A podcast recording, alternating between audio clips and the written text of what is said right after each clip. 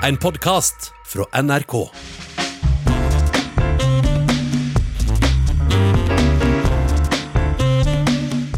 Og skal fra denne og til konkurransen om hvem som skal være nye medlemmer i FNs sikkerhetsråd.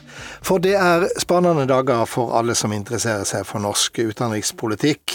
I flere år nå har Norge drevet en kampanje for å komme inn i FNs gjeveste organ. Nå er det innspurt med kronprins og statsminister i aktivitet for å sikre Norge flest røyster i avstemninga som er kommende onsdag. Det dreier seg om makt og prestisje, men også å gjøre Norge synlig, eh, og ikke minst for stormaktene i et stormaktsselskap. Men hvorfor skal akkurat lille Norge menge seg med bøllene i Sikkerhetsrådet? Det spørsmålet har du stilt, eh, Tove Gravdal, eh, forfatter av boka Til bords med de mektige. Velkommen her. Takk skal du ha. Hva rolle spiller egentlig FNs sikkerhetsråd? Jeg kaller FNs sikkerhetsråd det mektigste organet i hele verden. Og det har potensielt makt til å gjøre helt uh, dramatiske inngrep i uh, verdens land. Uh, Sikkerhetsrådet kan overprøve et lands suverenitet, påføre et land økonomiske sanksjoner, og kan til og med tillate at andre land går til krig mot et land. Og det er enormt mektige maktmidler, og som Sikkerhetsrådet har eh, brukt ved noen anledninger. Eh, F.eks. i 1990-91, da de innførte sanksjoner mot Irak, og da eh, tillot en krig mot Irak, den første Gulfkrigen som startet i 1991. Og det gjør at det er verdenssamfunnet, gjennom alle medlemslandene i FN, som gir Sikkerhetsrådet dette mandatet til å faktisk bestemme over liv og død for mennesker.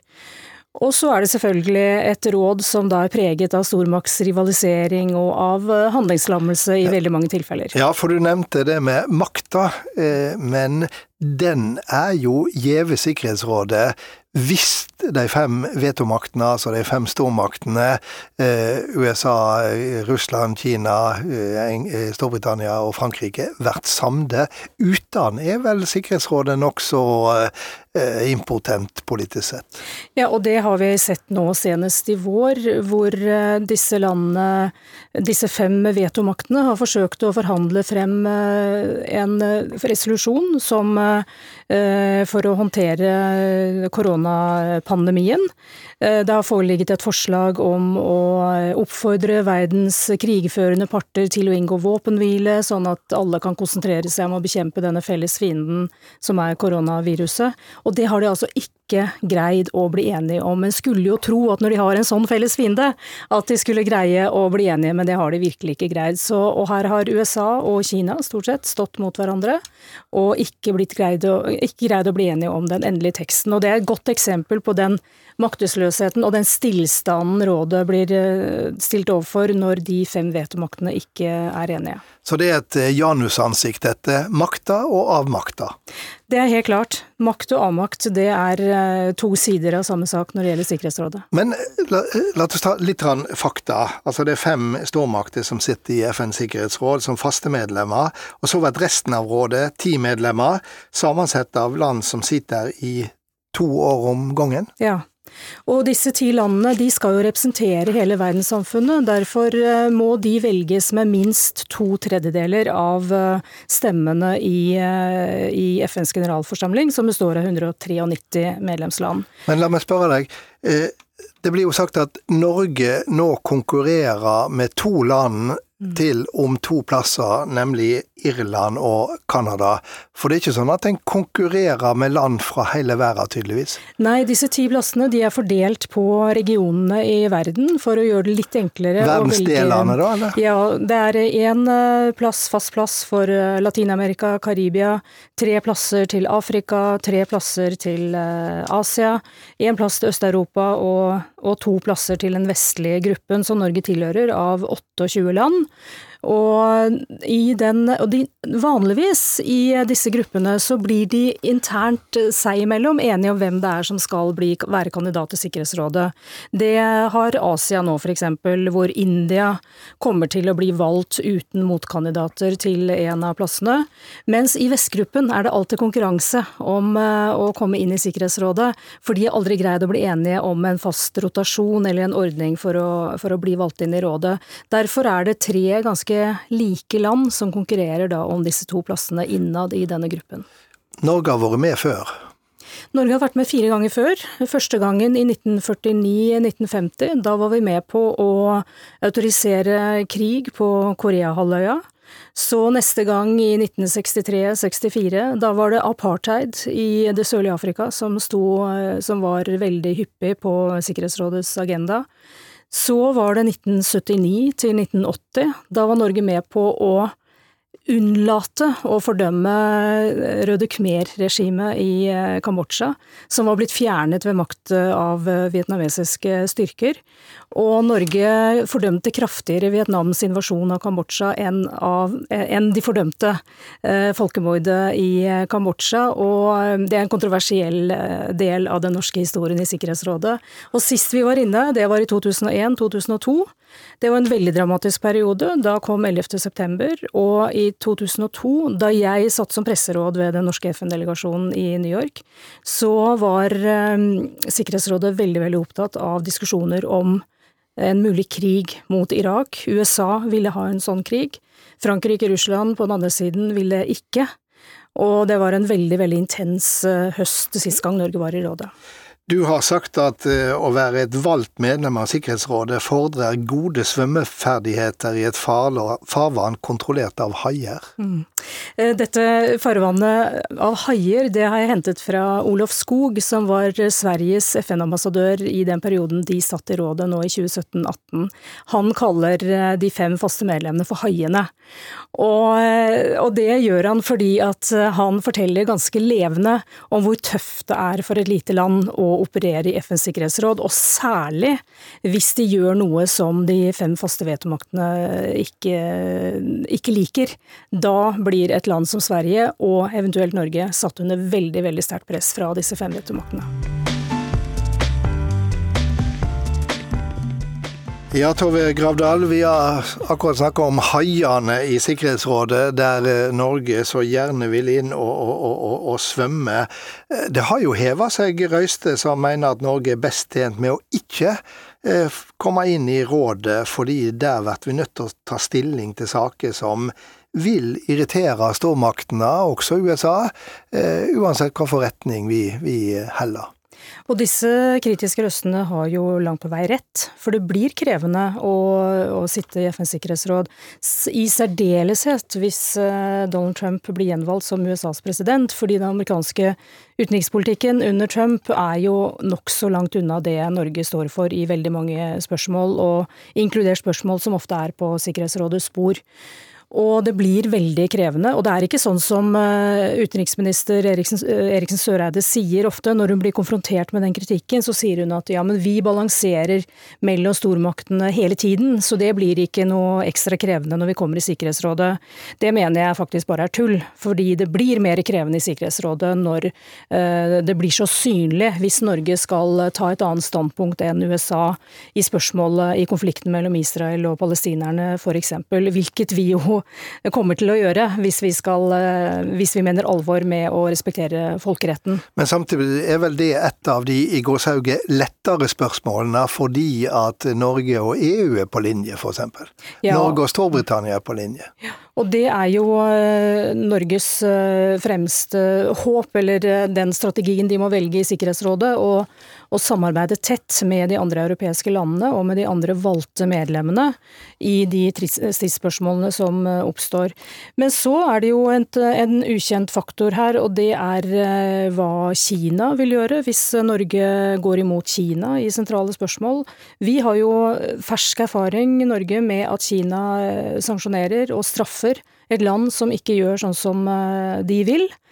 Og den risikoen løper jo Norge ved å, å ta andre standpunkter enn Kina i Sikkerhetsrådet.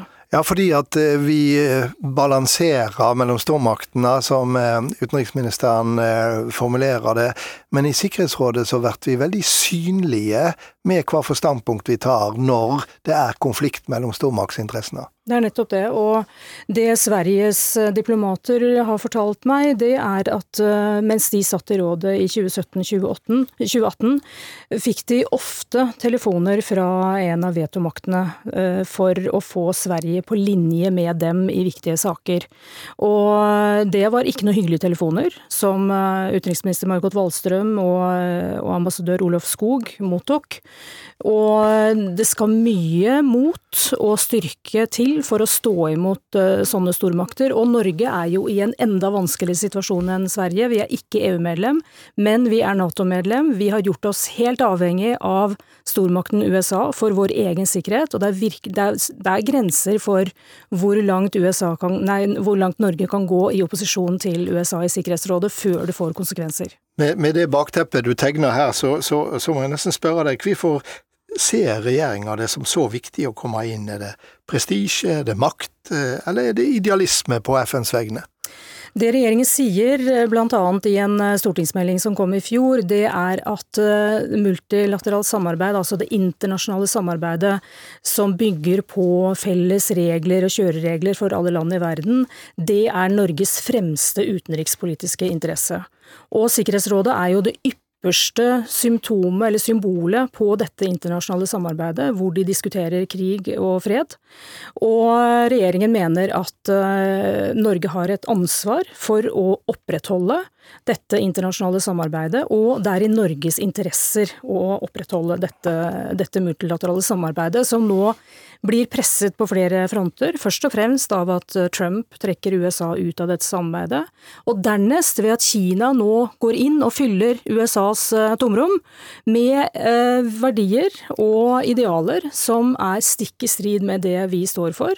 Autoritære tendenser som Kina bringer med seg inn i FN, som ikke er bra for internasjonalt samarbeid.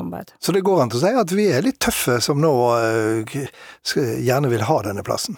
Ja, og jeg mener at så tøffe må vi jo være. Det skulle da bare mangle at ikke Norge, som er et av eh, landene, de 50 landene som grunnla FN for nøyaktig 75 år siden, uh, det skulle virkelig bare mangle at ikke vi skal være med på å opprettholde det som vi ser er i vår interesse. Vi veit jo ikke om Norge de neste to åra får en fast plass i Sikkerhetsrådssalen i FN-bygninga i New York, men vi veit at den salen praktisk talt allerede er norsk fra ende til annen. Det er til og med eh, ekte halmtapet ifra Biri eh, på veggen bak publikumsplassene. Mm, ja, det er veldig fascinerende. og Eh, Trygve Lie var jo norsk og var FNs, FNs første generalsekretær. Og eh, han ga og man ga det direkte, men det er i hvert fall veldig mye som tyder på at Trygve Lie hadde en veldig sterk hånd med i å gi oppdraget til med å utsmykke Sikkerhetsrådssalen til sin gode venn Arnstein Arneberg, en norsk eh, arkitekt. Som så videre fordelte oppgaver. Per Krogh fikk male, male det store, gigantiske maleriet bak, eh, bak, altså bak møtebordet. Eh, Else Paulsson fikk i oppdrag å lage stofftapetet som dekker Eh, tre av veggene. Og eh, det er en fantastisk flott sal, nydelig, og den eh, er også nylig igjen Altså den er renovert de siste årene. Noe Norge har betalt for. Og det er en arv Norge kan være stolt av, selv om, selv om vi kanskje fikk det oppdraget på litt sånn ureglementert vis, da. Ja, Du nevnte Per Krogs eh, store maleri, det er vel på 50 kvadratmeter. Og, og, og, jeg har lest meg til at det var en BBC-journalist som kalte det for verdens verste maleri. Ja, det er jo et veldig et tidstypisk maleri. 50-tallsmaleri. Eh, eh, jeg tror det er delte meninger fortsatt om, om hvor bra det er, sånn rent kunstnerisk, men nå er det noe der. Og det, striden rundt det maleriet har jo roet seg litt. Og nå er det jo mer aktuelt enn noen gang med denne Fugl Føniks som reiser seg opp av ruinene av krig og er et symbol for fred i verden.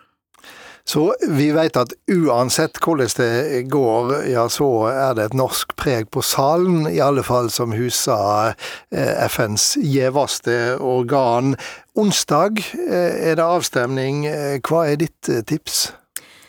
Jeg tror det er helt åpent. Jeg tror både Irland, Norge og, og Canada har gode sjanser, og det er gode muligheter for at det blir mer enn én eh, stemmerunde. Sånn at, eh, fordi alle land, selv om de ikke har motkandidater, må da altså ha to tredjedeler av stemmene. Og vi kan eh, risikere at det blir både torsdag og fredag neste uke før det er et klart resultat. Og koronaepidemien har jo endret eh, valgkampen, så, eh, og hvordan det slår ut, det vet jeg ikke. Norge har et bitte lite fortrinn fordi vi har så mye penger, og de har vi strødd utover nå i, under pandemien for å hjelpe fattige land og sårbare land med å bekjempe pandemien. Vi har gitt eh, massevis av penger både til FNs krisefond og til IMF og Verdensbanken. Og har prøvd å, og regjeringen har gjort så godt de kan for å gjøre Norge synlig i denne internasjonale floraen eh, for å bekjempe koronapandemien. Og det gjør de bl.a. for å sikre en plass i FNs sikkerhetsråd. Og så runder jeg av med min faste kommentar. Her er denne ukas Stang inn, stang ut.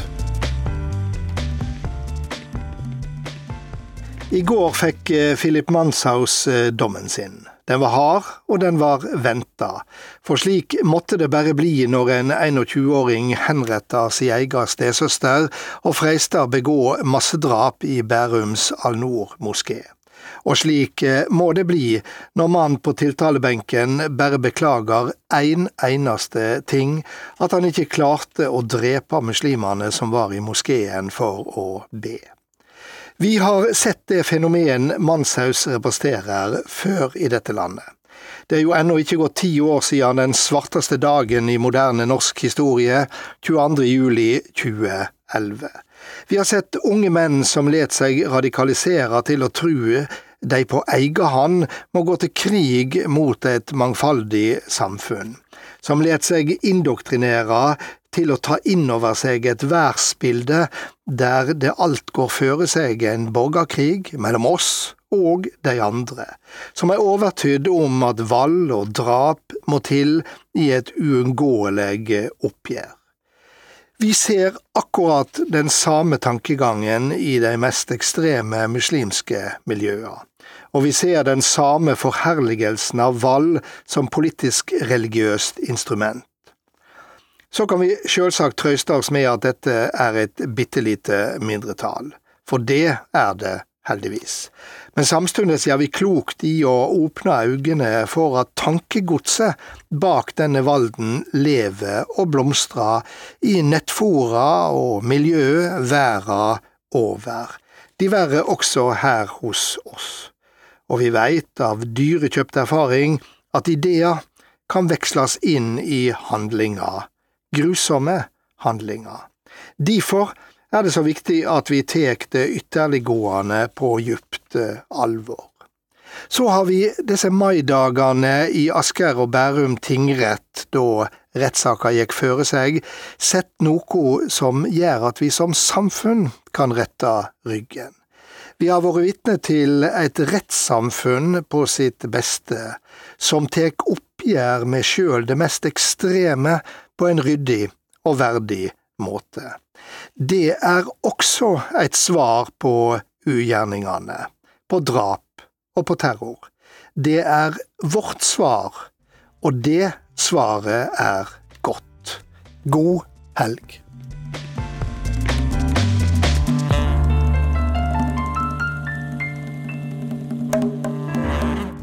Du har hørt en podkast fra NRK. Hør flere podkaster og din favorittkanal i appen NRK Radio.